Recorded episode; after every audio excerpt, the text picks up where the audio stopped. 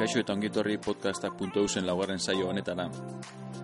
Hemen Euskarazko podcastez arituko gara, podcastak eta beraien ardudunak ezagutu, nola egiten duten ikasi, zergatik hasi diren, zein eta sistema erabiltzen dituzten, baina baita podcasten munduaz orokorrean, izan ere Euskarazko podcastak ez dira bestea baino gutxiago.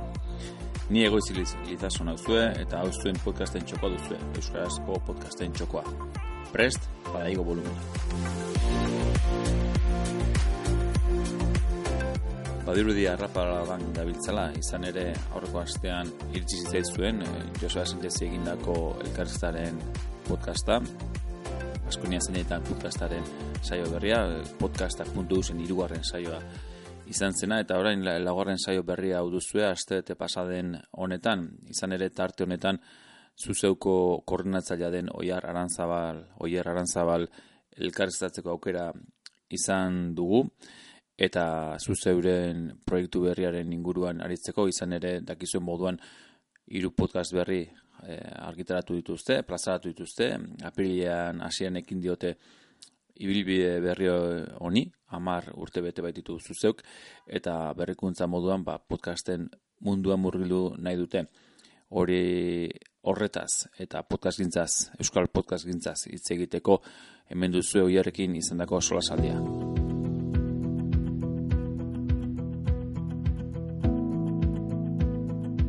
Kaixo, gaurkoan bigarren gonbidatua podcastak.eusen saio honetan, badirudi derrepente eh, moduan eh, entrevistatzeko kideak azaltzen ari direla podcast honetan, eta benetan pozgarria da. Gaurkoan izan ere, gainera, eh, gonbidatu garrantzitsu bat zango nuke, izan ere podcast gintzaren munduan aurrera pausu interesanteak ematen hasi baitira zuzeuko kideak, eta nirekin dut, oiar arantzabal. Kaixo, oiar? Kaixo, hemen, hemen gaude saiatzen sartzen, ez? E, mundu ontara. Zalantzai gabe, bueno, hierra lantzabal ezagutzen ez duzuenok, e, gogoratu zuzeuko koordinatzailea dela, zuzeu plataforma, bueno, ez, berrien plataforma, hor, kexatzen zinen, oier, podcasten batean, ez da bloga, blog bat, zuzeu, baizik eta plataforma sendo bat, dagoeneko amarurt, amarurte bete dituen e, edabide bat, ez? Hori da definizioa, ez? Hori edabide bai. bat. Bai, edabide bat da. E, bai, e, esaten genuen e, e, ez dela blog bat, e, bueno, e, badelako, komunidade bat delako, eta hasiera batean sortu zalako, e, ba, ba, blogariak elkar batzeko gune bezala, ba, baina demorarekin erredakzio bat bildu dugu, eta, bueno, edabide funtzionamendua dauka, eta edabidetzat daukagu eure burua, beti ere ba, mantenduz e, ezaugarri horiek, ba, parte hartzea, jendeak e, aldez aurreko e, moderazio hori gabe idazteko aukera, eta, bueno, nik uste saltza asko sortzen duela horreko nahi mm Bueno, bintzat, horren erakusle, amar urte hor zabiltzatela, ez, ez uzeu puntu eus, hor da. bilela e, berriak zabaltzen, e, idatzi horiek zabaltzen, eta orain saltoa podcast gintzara, e, apirilean, jarri duzu eh, hasiera marra hori, ez? E, egutegian, az, bai. ari zineten aurrez aipatzen, eta hasiera hori apirilaren lehen astean, hiru podcastekin abiatu zarete, bipareta, amar minututan eta barruan gaude, dagoeneko esango nuke bakoitzak saio bana, gehi pilot, pilot hori, edo promo moduko lehen saio hori, ez da?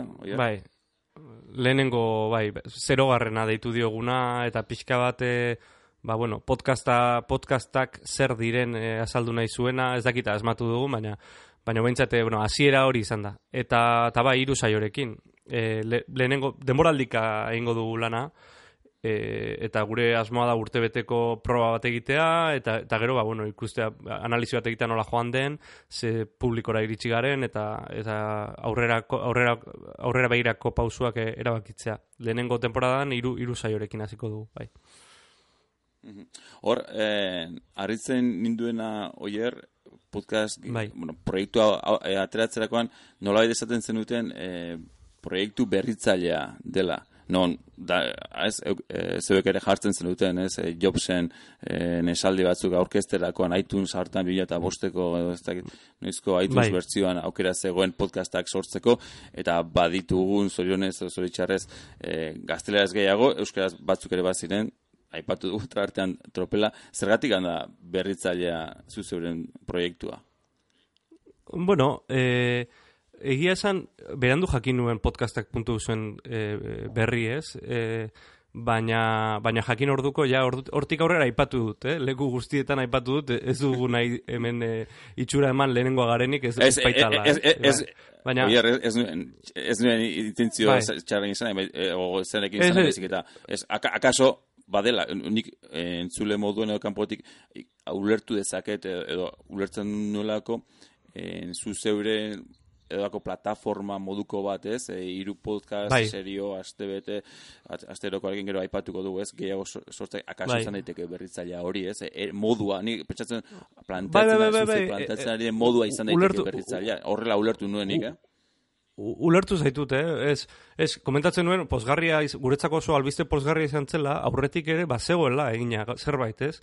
Eta, eta, eta guretzako sorpresa izan zen, ze, oso zaila da e, topatzea euskal e, e, podcast bat, ez? O, e, e, bueno, plataformek ez dute bilaketa e, aukera hundirik ematen, plataforma batzutan espaduzu asmatzen justu e, e, podcastaren izenburuko hitz batekin zinezkoa da topatzea podcast bat.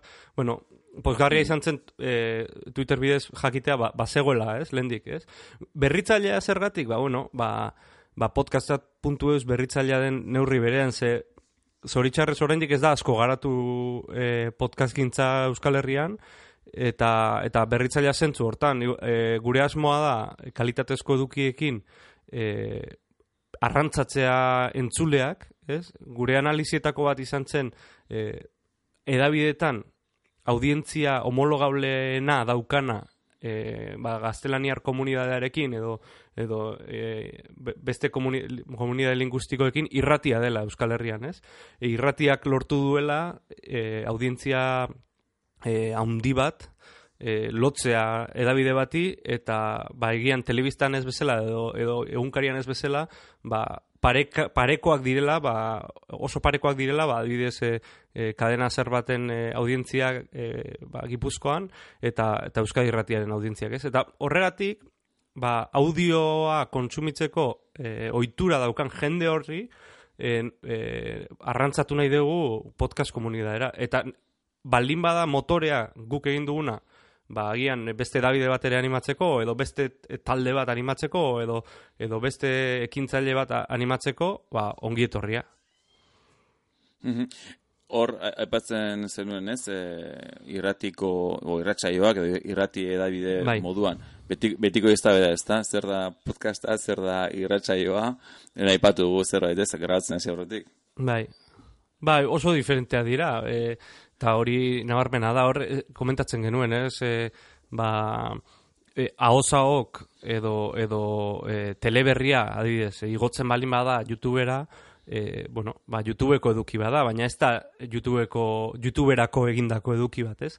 Eta podcast, e, podcastek ezaugarri oso e, bere izigarriak dituzte, irratxaioen gatik bere dutenak, ez? E, e, podcastak e, badira e, oso editatutako e, eduki bat, edo, edo ez editatua, baina bai e, e, ez dira emititzen zuzenean, ez? Eta horrek ezaugarri asko ematen dizkie berezkoak, ez? Eta, eta batez ere, e, ba, bueno, estatu batutako podcast gintzare begiratzen balin badugu, ba, genero asko sortu dira, ez? E, podcast gintzaren inguruan.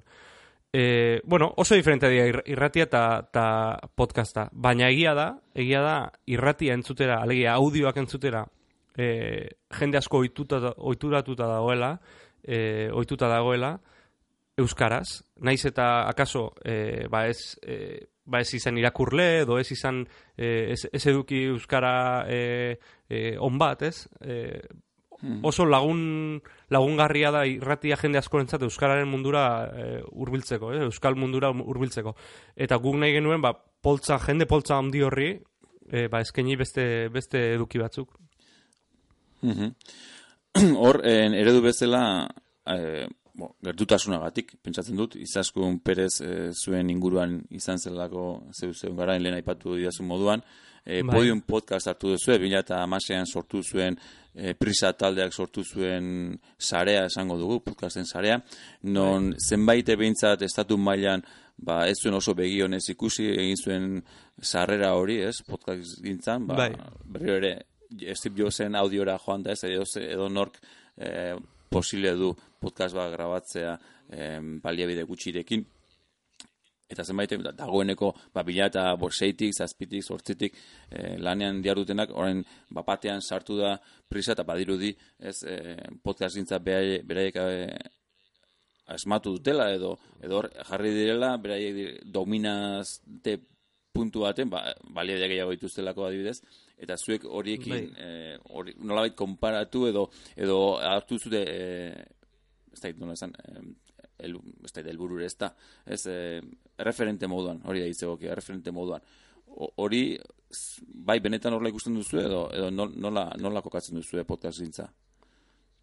Bai, e, a ber, e, izaskun perez zuzeu sortu zenean 2009an ba, bide lagun izan genuen. Asier berriaren laguna zen, eta, eta bueno, ba, miliun medio zen e, jarduna, e, ez dakit ezagutzen duzun e, miliun medio e, kolektibo, kastari kolektiboa, bere momentuan sareko...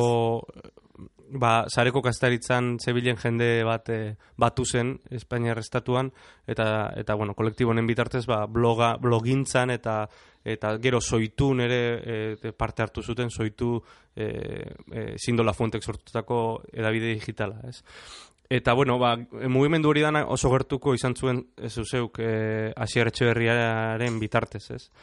Eta, eta tira, ba, ni, ni nintzen, e, niretzako referentea ez da podium, e, bueno, ba, ni normalean podcastak ingeleraz entzuten ditu dalako, e, eta iruditze zaidalako podcast gintzan erreferente e, diren e, mugimendu eta eta e, genero eta edukiak ba, estatu batuetan daudela, ez? Eta, bueno, ni, ni nintzen analizi bat egiten pixkat, e, ba, podcast gintzarena estatu batutan, eta pixkat arakatzen ze gauza egiten ziren, bai, terreno amaterrean, ez? E, eta, eta baita ere ez, ez amaterrean, eh? E, ba, e, Gimlet, Gimlet Media, edo, edo ba, This American Life, edo NPR e, irrati publikoak e, egiten dituen e, podcastak. Ez nik horra begira nengoen, baina gero konturatu nintzen, ba, izaskun perez e, podium, e, podiumen sorkuntzan e, jardun zela, ez? Eta, eta iruditu iztean interesgarria ba, podium nola sortu zuten eta eta kontatzea, hori kontatzea. Eta laguna handia dugu zuzeun, zuzeulari, eta bueno, hortik, hortik jo genuen. E, beste konfesio tengo dizut. E, Gimlet midian, e, bueno, izena manuen, izena manuen e, e, arpidun bezala urteko arpidetzan, eta idatzi nien eskatzen haber Alex Bloomberg e, elkarrizketatu nezaken, ba, komentatzen, ba, hemen ere ba, Euskal Herrian egiten e, sortzen ari ginela e, plataforma bat, podcast plataforma bat, eta ez diate erantzun, beraz e, ezin izan nuen bera elkarrizketatu. Mm -hmm. Interesgarria. Eta e, estatu batutakoa edo Espainia mailako hori Euskal Herrira gure egoera o gure ezagorren gatikan e, berdin eramateko moduan ikusten duzu edo, edo beste edo asmatu egin behar dugu egin behar duguna Hombre, e, hemen erronka da hemengo referenteak eta hemengo hemengo e, betaurrekotatik begiratuta kontatzea gauzak, ez? E, baina iruditzen zait gu hemen gai garela ba, estatu batuetan egiten dena bezain ona den eduki bat sortzeko. Eta ona ez da zertan profesionala izan, eh? Esan nahi dute, e, bueno, e, iruditze zait, hemen egin dezakegula, hemen gobeta horrekoetatik, hangoa bezain e, ekarpen ona, eh? Eta, eta nire ustez, lehenengo gauza, entzuleak lortzeko, edo blogen kasuan, edo edabiden kasuan irakurleak e, lortzeko, da eduki ona egitea eta, eta podcasten kasuan are gehiago, ze teknologikoki, e, bueno, ikusiko dugu nola garatzen duten podcasten mundu emendik aurrera, ez dakigu Spotifyek zer egingo duen e, onoruntz eramango duen podcast gintza, edo saiatuko diren eramaten, baina e, podcastak batez ere edukia dira, ez? Eta edukia eduki hona egitea e, ba, ez da ematen duen bezain erraxa. Eta gure gure erronka hori da, eh? eduki on bat egin eta eta jendea erakartzea. Mhm. Hor, eh, aipatzeko nuen baita ez, garatzen hasi aurretikan, eh, bueno, gu adibidez eh, podcasta.usen edo tropelan ez gabiltzanean eh, ez dauka inolako e, negozio eredurik e, podcasta berak, ez? Bai. Akaso, ba, tropelaren webgunearen, ba, bueno, bloga dugun moduan, ez? Ba, ez dakit, bai. ezagarri gehigarri bat, edo lagungarri bat, ez dakit nola definitu, ba, beti izan delako baita ez, tropelaren asmoa, ba, euskaraz edukiak sortzea interneten, eta aldela, ba, badauden berrikuntzetan edo plataforma berrietan e, izatearen e, bidean. Zuzeuren kasuan ulertzen dut, e, nolabait profesionalizatu edo nolabait negozio eredu baten barruan sartu nahiko dituzula zuen saioak, esan dugu moduan, ez? Balia gehiago behar direlako kalitatezko, ez? Nik uste, e, oier, behin baino gehietan azmarratu duzula kalitatearen kontu hori. Hori bai. lortzeko nola zein negozio eredu, ze horrez berdin daude, daude publizia bidez, bidezko e, ingreso batzuk, e, sarra batzuk lortzea, bai. daude jendeak ez dakit badakien, baina e, ordainketa bidezko podcastak entzutea, hori ere gero eta gehiago eramaten da, bat ez estatu batuetan, nik uste bai. errotzen ari den gauza bat dela, ez dakit akaso e, Netflix eta eta bestelakoen eraginez, e, zuek nola, nola ikusten duzu oiar, e, negozio ereduaren ikuspuntutik, baldin eta negozio egin badaiteke podcast gintzaretik, podcast gintzaren gatik, euskaraz betikoa. Bai, e, be, bai, hainbat e, e, tipulak, tipulak hainbat e, e, geruza ditu horrez. E, e, kasetaritzak badu negozio eredurik gaur egun? E, hori da lehenengo galdera, ez? E, edabidek badute oroar e, negozio eredurik? E, bigarren galdera, euskerazko edabidek badaukate negozio eredurik? Bai, ez? Baina, baina dirloguntzak daukate papel oso handia horrez e, diru ez balego, ba, negozio eredua eroriko litzateke. Eta hor, bueno, ekimen sortu genuen duela e, urte batzuk, e, ba, ba, pixkate euskal e, edabide guztiek batera, ba, indar gehiago eukitzeko, ez? E, bai e, diru laguntze begira, bai, bueno, ba, ba, pixkate lobi bezala, zerratik ez esan, ez?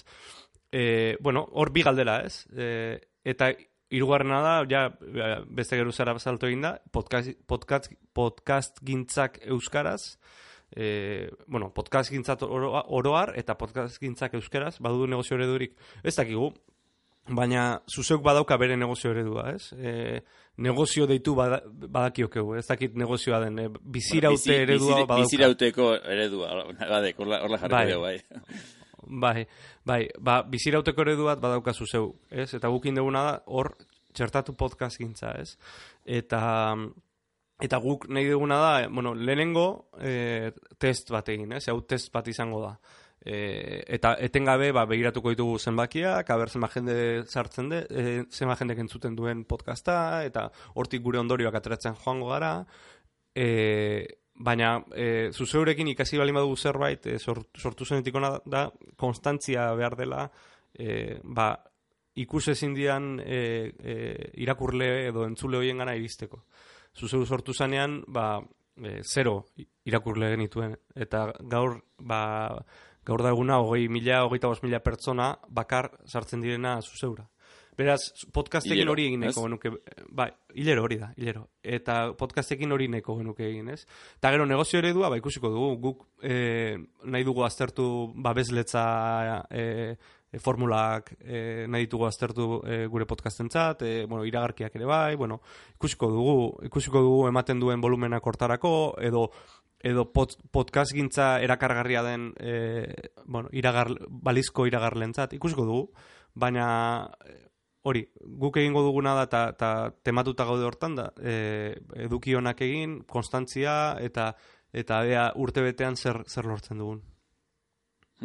Hor, aipatzen zenuen oier, e, neurketak bai. ez, e, analitika hori zenbat entzun, entzun, entzun aldi zenbat deskarga, hor entzuten mm -hmm. nion ez, e, izaskun egin zen nioten elkarrizta horietako batean, e, bori, zaila delako ez, e, podcastean, bori, deskarga, entzu, entzuteak eta bar, Bai. eta horren ondorioz, o- okerrez paldi naiz, e, podium podcastek erabaki zuen e, aplikazio propio bat ateratzea, neurketa horiek zehatzagoak izateko. Ez gaur egun erabiltzen diren plataforma desberdinekin, bueno, ez dakit entzule jakingo dute dagoeneko, baina e, hori web bidez entzun daiteke, ez? E, horko erreproduktore e, bat jarri, jarrita, e, aplikazio desberdina daude, ez? E, nik aipatzen nuen bigarren saio hartan, ba, Overcast, Pocketcast, Apple Podcast, e, Googleek berea du, mila, mila daudela esango nuke kasik. E, neurketa beti nik ai- jarraitu izan dudanean podcast gintzaren munduan, eta hori ez Espainia mailan edo Inglat- e, estatu batu mailan, ba, zailtasuna badirela, ez neurketa horiek egiteko.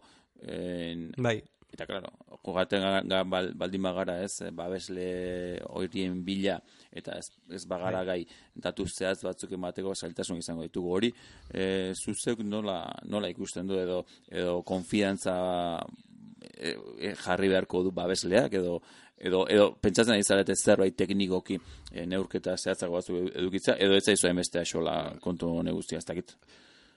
Printzipioz, printzipioz, eh, bueno, eh, gure, eh, bueno, gu bu- bus, bus sprouten bidez eh, eh, igotzen ditu podcastak, horrekin Bai, hasi hori. gara, eta, bai, eta hortik aurrera ikusiko dugu ero, ba, nola funtzionatzen duen, da erabakiren bat hartuko dugu, ikusita ze, ze, bueno, nola funtzionatzen duen, ze berria gara, ez, eh, bus sproutek eskaintzen ditu estadistikak, eh, oraindikan e- ezin izan ditugu begiratu, ze minimo e, programa baten estadistika begiratzeko minimo hiru hiru saio igota behar dira.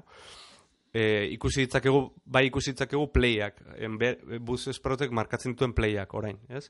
Baina, bueno, urrengo astetik aurrera, e, ja, e, ba, ikusten hasiko gara datu zehatzagoak.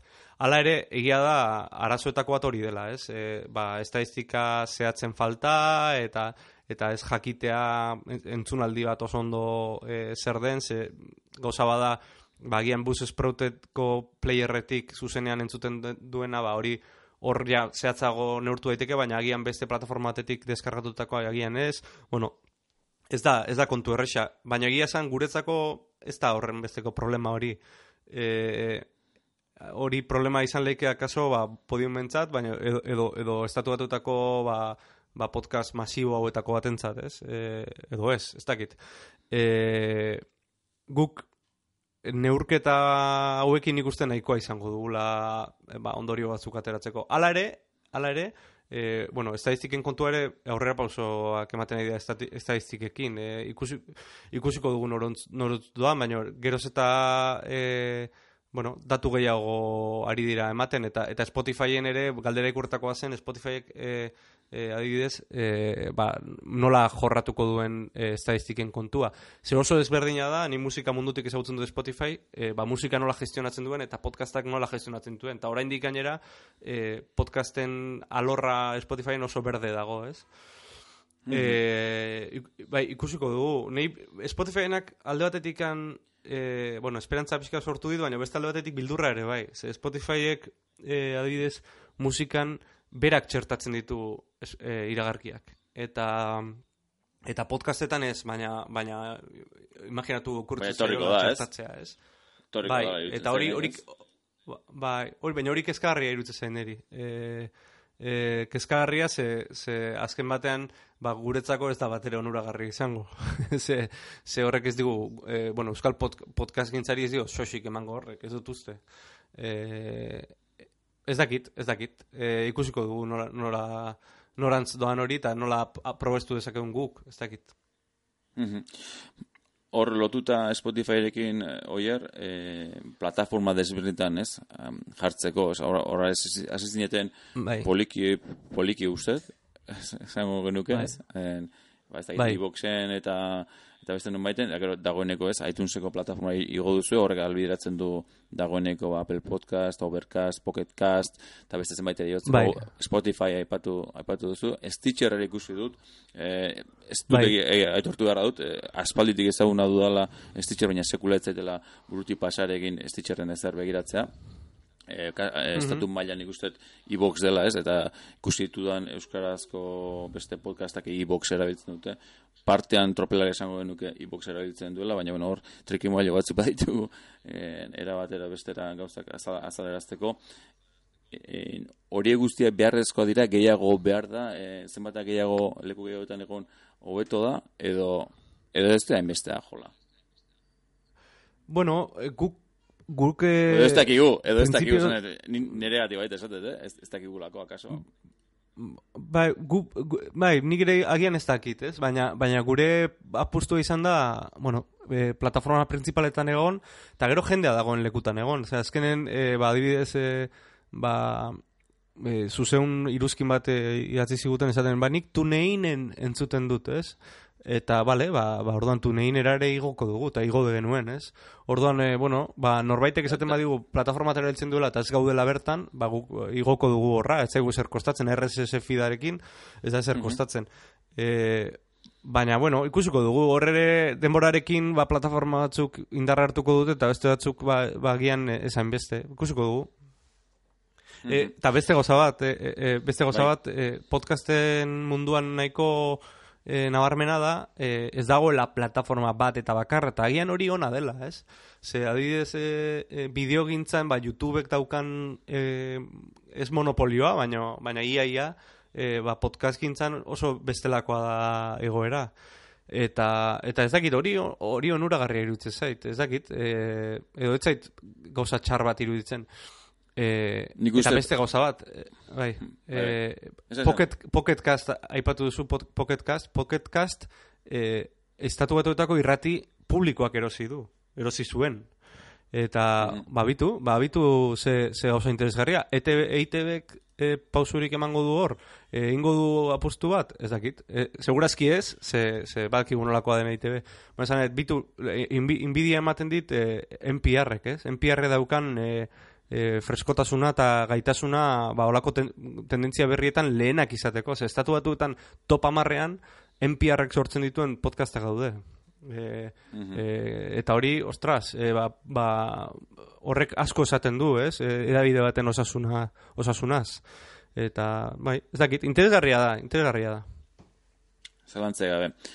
Hor, eh, oier pixkat aurrerantza joaz, kalitateko podcastak egiterako garaian e, ze balia erabiltzen dituzu zeu, pixka bat e, entzuleren bat animatzen bali da podcast bat grabatzera, akaso e, aurrekoan ez Josebarekin aritzen nintzen eta eta gu amater bai. mailan esango dugu ba, ba, basuago aritu gara gustatuko litzeu jakitea zuze nola planteatu duen bai grabaketa, bai postprodukzioa ze hardware, ze bai. software nola, nola pentsatu zeu guztia, nola daukazuen montatu da Bueno, eh, guke... Bueno, era, erabili ditugu... Eh, bueno, dakau estudio... Esan dezagun dakagula estudio portable bat. Eh, eta da ba, Zoom, Zoom H6 bat. Eh? Eta mm Zoom H6 bat da ba, graba, grabagailu er, eramangarri bat. Eh, erabiltzen den asko bideo gintzan ere bai ba, audioa aparte grabatzeko. Eta bar, lau sarrera ditu, mikro, lau mikrosarrera e, fantomarekin, eta bar, e, bai, ez dakite, mm da, e, pikuro balio dituzte, eta bueno, e, nik hori erabiltzen nuen bideogintzarako, eta hori erabiltzen dugu orain, e, ba, ba, e, ba, adibidez, barruan gaude saioak horrekin grabatzen ditugu. Horrekin, eta bi, bi xure SM ber, berretame sortzirekin. E, mikrodinamiko, estandar, e, bueno, oso ezaguna musika gintzan, gaztetxe guztietan daude mikroiek, ez? E, Hori erama, eramatekoa, eta gero, zuzeun, e, zuzeuren bulegoan e, igaran, e, han, e, montatu dugu estudio bat, lau mikrorekin, eta mai batekin, ba, ba mai ingurua grabatu, eta, bueno, aukera eukitzeko, ba, ba hainbat grabazio bertan egiteko. Eta hor, hor e, bueno, e, erosi dugu, e, bueno, inbertsio bat egin dugu, eta erosi dugu e, Roadcasterra, Roadcaster Pro orain erraudek atera du e, e, e, zera, mai bat e, podcast gintarako bai, espreski. bat eurotakoa, ez da? Hori da, hori da. bat euro balio bai. duen, bai, toma, zomanen edo numaiten ikusinean, bai. Bai, bai, ba, hori hori izan da gure apustu, eta egia esan oso posi gaude ze, ze oso erresa da erabiltzen, edo nork erabili, dezake e, kajatik atera eta segituan ikasten da e, nola, nola erabiltzen den. Baliabide asko maten ditu bestela ba, teknikoki agian e, ez dakinaren zaila direnak. E, ba, dauzka lau mikro sarrera, e, bluetooth sarrera bat ba, mugikorra edo, edo e, ordenagailua lotzeko, USB sarrera ordenagailua lotzeko, e, e, zera, e, mugikorra lotze, e, zera, jak bidez lotzeko Bai. beste sarrera Mhm. bat, eta lau, lau e, aurikular preamplifikadore e, independiente, volumene independenteekin. Eta horrez gain, sortzi padeko ba, soinu e, e, kaja bat.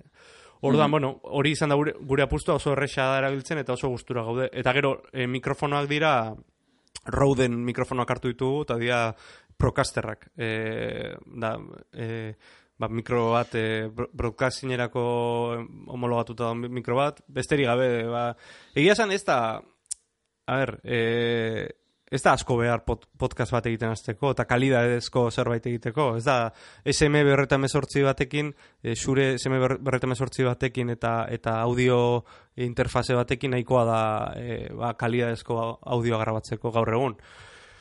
Eta, eta gure kasuan, bueno, softwareari da- dagokionez Logicekin gabiltza lanean. Logicek, eh, bueno, ba, nik eh, Logic erabiltzen nuen eta eta eh, ba, musika gintzan eta barret eta, eta horrekin egiten dugu. Mhm. Hor, pentsatu dut beraz, eta eta garbi geratu zait, entzun ditudan podcastetan, e, amar minututan eta ba, amar minututan ekin zalantza ditu, bipareta seguru, estudio horretan grabatzen duzuela, e, baina barruan Bai. gaude adibidez, ulertzen dut, ez za, mugitzen zaretela, mugitzen zarela, oier, ez? E, hor, Bai. Pentsatzen beste, beste gailu, o lehen aipatzen zenuen zoom hori erabiltzen duzu grabatzeko. Zoom, zoom horrekin, e, zoom hori eta e, bi mikro SM, e, xure, bi xure SM bertema sortzi, eta, eta horrela estudio portatil oso eraginkor bat daukagu, bai, hori, eta hori ba, gainera mikrodinamikoak, e, bueno, e, soinu asko, kanpoko soinu asko e, e, ez dute grabatzen eta eta ba, etxe baten grabatzeko edo agian e, soinu, osea, estudiotik kanpo grabatzeko oso egokia dira. Eta hamar Ondo. minututan ere, estu, hamar minututan ere estudioan, estudioan grabatzen dugu. Bai. Ba, zalantza, zalantza nuen, baina, bueno, ba, bai, pentsatzen nuen, eh? Ez da, eh, akaso entz, entzulen batek nahi baldin badu grabatu, esango dugu, eh, zuzeuren baliabideak top direla, ez, oier? Akas gutxiagorekin egin daitekela, hori tropa. Askoz gutxiagorekin, e, ba, askoz gutxiagorekin egin daiteke, eta gainera, eta ez da nabarituko. Osea, e, e, bueno, edo, edo ez dakit, esan nahi dut, eh, mikro, xure SM berretan mesortzi batekin grabatu eta edo, edo procaster eh, batekin, ez da, ez duzu nabaritzen horren beste, ez? Baina, baina guk, bueno, apustutxo bat egin dugu estudioan ba, baliabide hobeak eukitzeko, eta aurrera begira, ba, ba, bueno, ba, lau, lau pista ondo grabatzea guretzako importantea zen. Oiar, aipatzen zen, entzuten izun, aipatzen zenuen podcasten batean baita ere, akaso ez, honei bultzada emate aldera, e, aurten podcastaren urtea dela. E, hori askotan eh, entzun izan dut, e, bai urteetan, harin ez, entzuten, e, Kanpaiak, kanpaiak entzuten. kanpaia bai es- estatu mailan bai estatu batu mailan egia Bai. estatu batutan akaso dagoeneko hori gertatu dela eh? boom hori gertatu dela eta badaudela dagoeneko zenbait baliabide ez dugu esango profesional baina lehen aipatzen genuen bezala ba sostengatzeko gai direnak edo ez bizirauteko maila dutenak. E, aurten izango da orduan gure gure urtea euskal podcastintzaren urtea.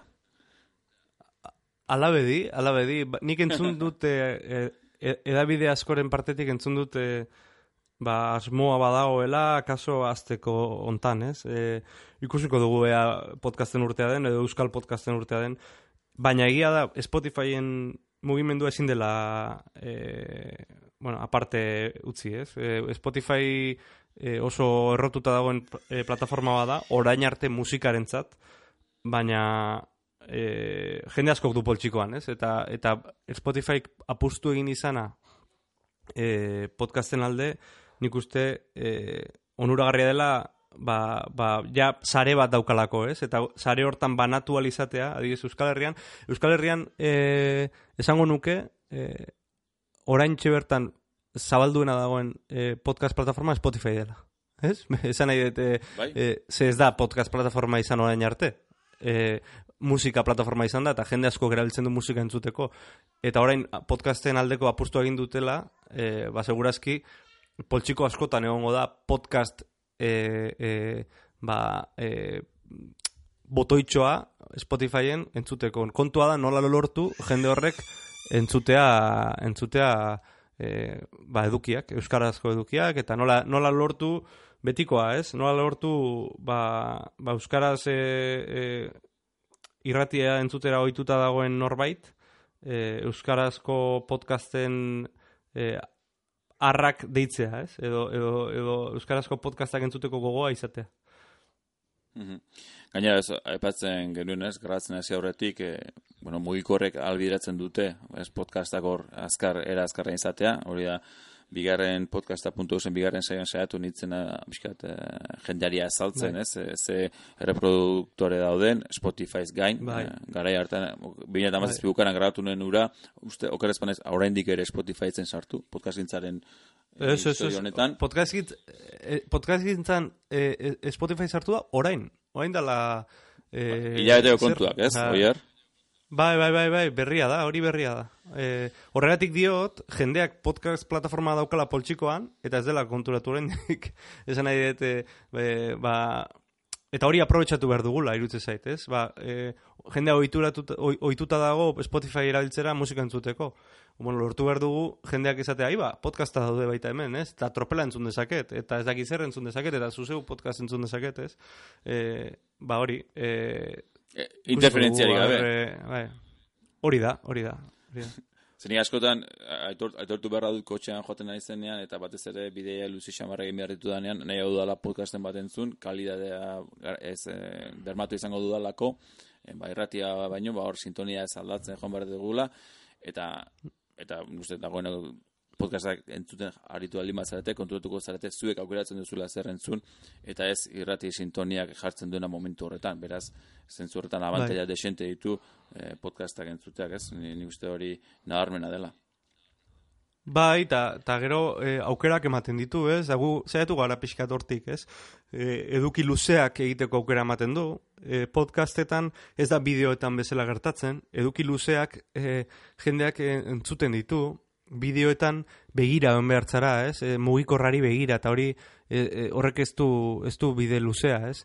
E, eta orduan, bueno, ba, gu adibidez, barruan gaude edo, edo bipareta badira eduki luzeagoak eta hamar minututan aldiz bada ba, ba podcast bat agian e, ez bidaia baterako, baizik eta baizik eta bai bale e, dutxan zauden mitartean entzuteko edo, edo, edo ez dakit, hamar minutuko tarte badaukasunean entzuteko. Mhm. Zelantzea gabe. Bai. E, astero, oier, okeraz bali manaiz, iru saio, bai, bipareta amar ditutan, eta barruan gaude, astero e, argiteratuko dira. Hala da, ez da? Hori da. Baten bat, astean bitan zan.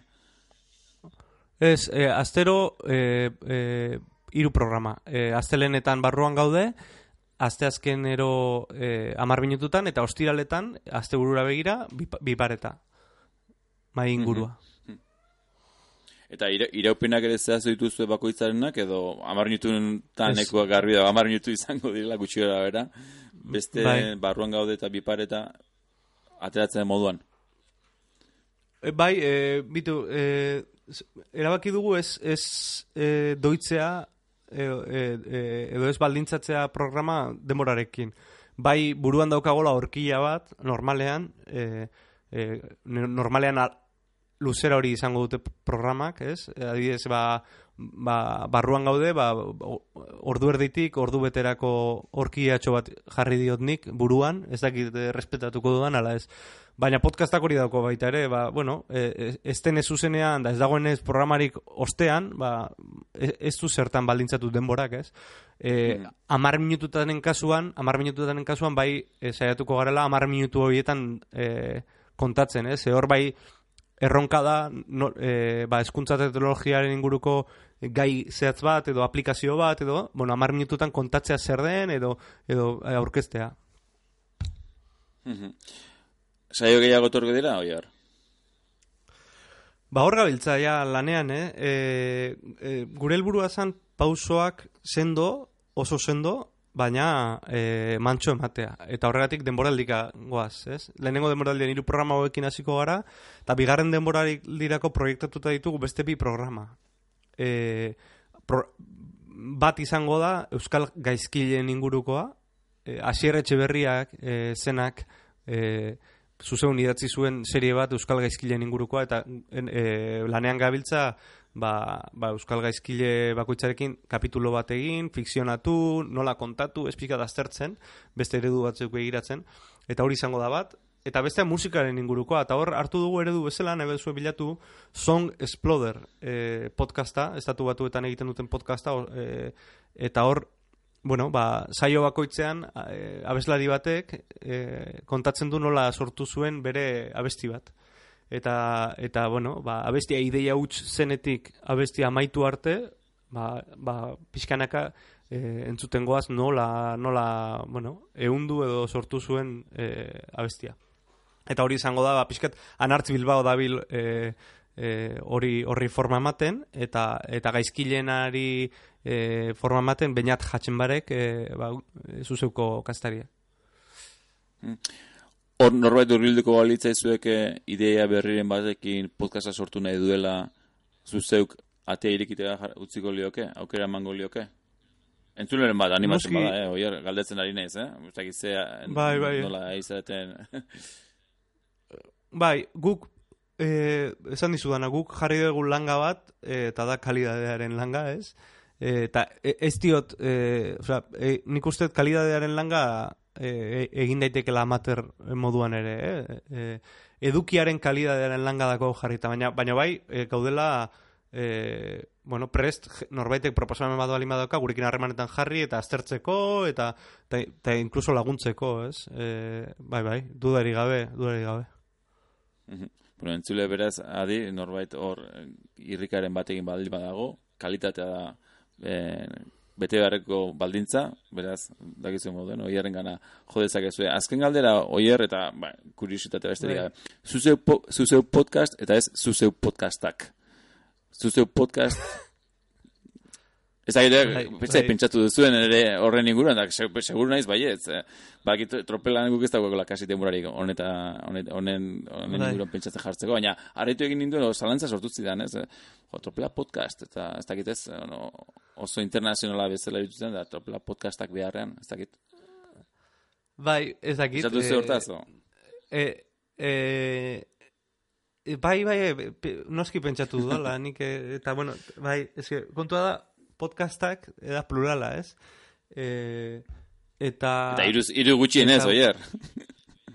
bai, bai, bai, bai, bai, baina, bai, ez dakit, e, enuen, nik ez nuen ikusten marka bezala pluralean jartzea, e, baina egia da adibidez Applek pluralean jartzen duela, ez? Apple Podcasts, eta, bai. eta, eta zuek ere pluralean jartzen duzu, eh? Podcastak. Podcastak, bai. Ez dakit. Bai, eta no, nola podcastak ibiltzea. Bai. bai, eta aitxatxe, o sea, podcasta litzake edo podcast litzake. Hori da galdera, ez dakit. Egia esan, ez dakit, e, jarri dugu e, podcast ba, soilagoa delako, ez? E, inolaz ere, e, ez genuen nahi egin e, e, po, e, zuzeu podcast center bat ere, eh? baina eh, ez dakit, eh, ingelera erabiltzeko, ez dakit, oain dago modan dagoela dirudi, ez? Guk ez dugu zentzortan jarri, ez? Eh, nahi genuen deskriptibo izatea, ulertzea lehenengo momentutik podcast eh, plataforma zela, edo, bueno, plataforma, edo sor, eduki sortzeko kate bat, edo, edo bai, eh, ez dakit, eh, ez diogu, bueno, horrela jarri dugu, bai. Ba, ba, garbi dago. A beste, a beste, apuntotan nukan hori lehen ez dizu galdetu, baina ez, bai. bultak ematen nintzen, eta, bueno, besterik gabe ez. Ez, izenari... Segur...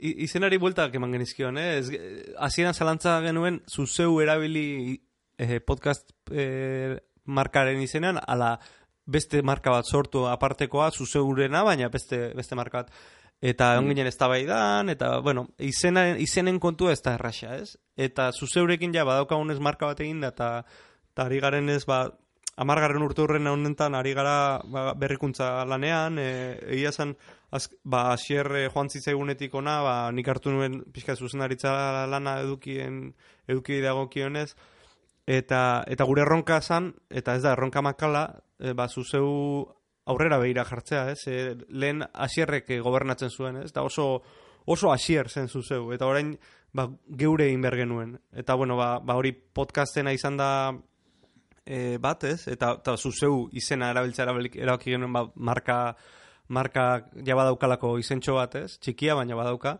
Eta, eta gero ba, zuzeu, e, bueno, ez, iragarriko dizuete bai, ba, datorren astean, edo ba, datozena pare bat astetan, e, webgune berria e, e, jarriko du airean, eta tal mar, mar, e, logoa eta dan aldatuko, aldatuko dugu. Eta eta bueno hor gabiltza lanean ba baia martxan jartzeko hori. Eta ta zuzeu berriaren barruan podcastak e, edukiko dute e, podcastek edukiko dute beren e, horri bere, bere izia, eta bueno hortan gabiltza lanean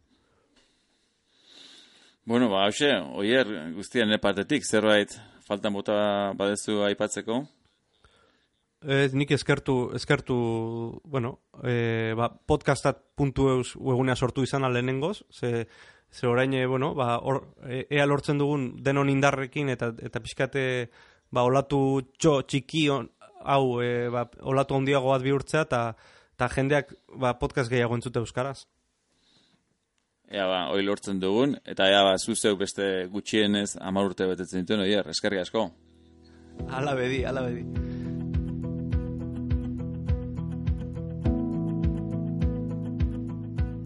Honaino gaurko laugarren podcast saio honek eman diguna, goratu podcast hau berau eta euskarazko beste asko podcasta.eu zen aurkituko dituzuela eta bertan zuen iruzkinak jartzeko aukera ere baduzuela gurekin harremanetan jarri nahi izatekotan podcastak abildua podcasta.eu lidera jodezak ezue zare sozialetan ere aurkitzen gara nola ez Twitter bidez abildua podcastak kontura jota Facebooken podcastak horri aldea duzue, eta Instagramenen ere izen bera aurkituko duzue podcastak.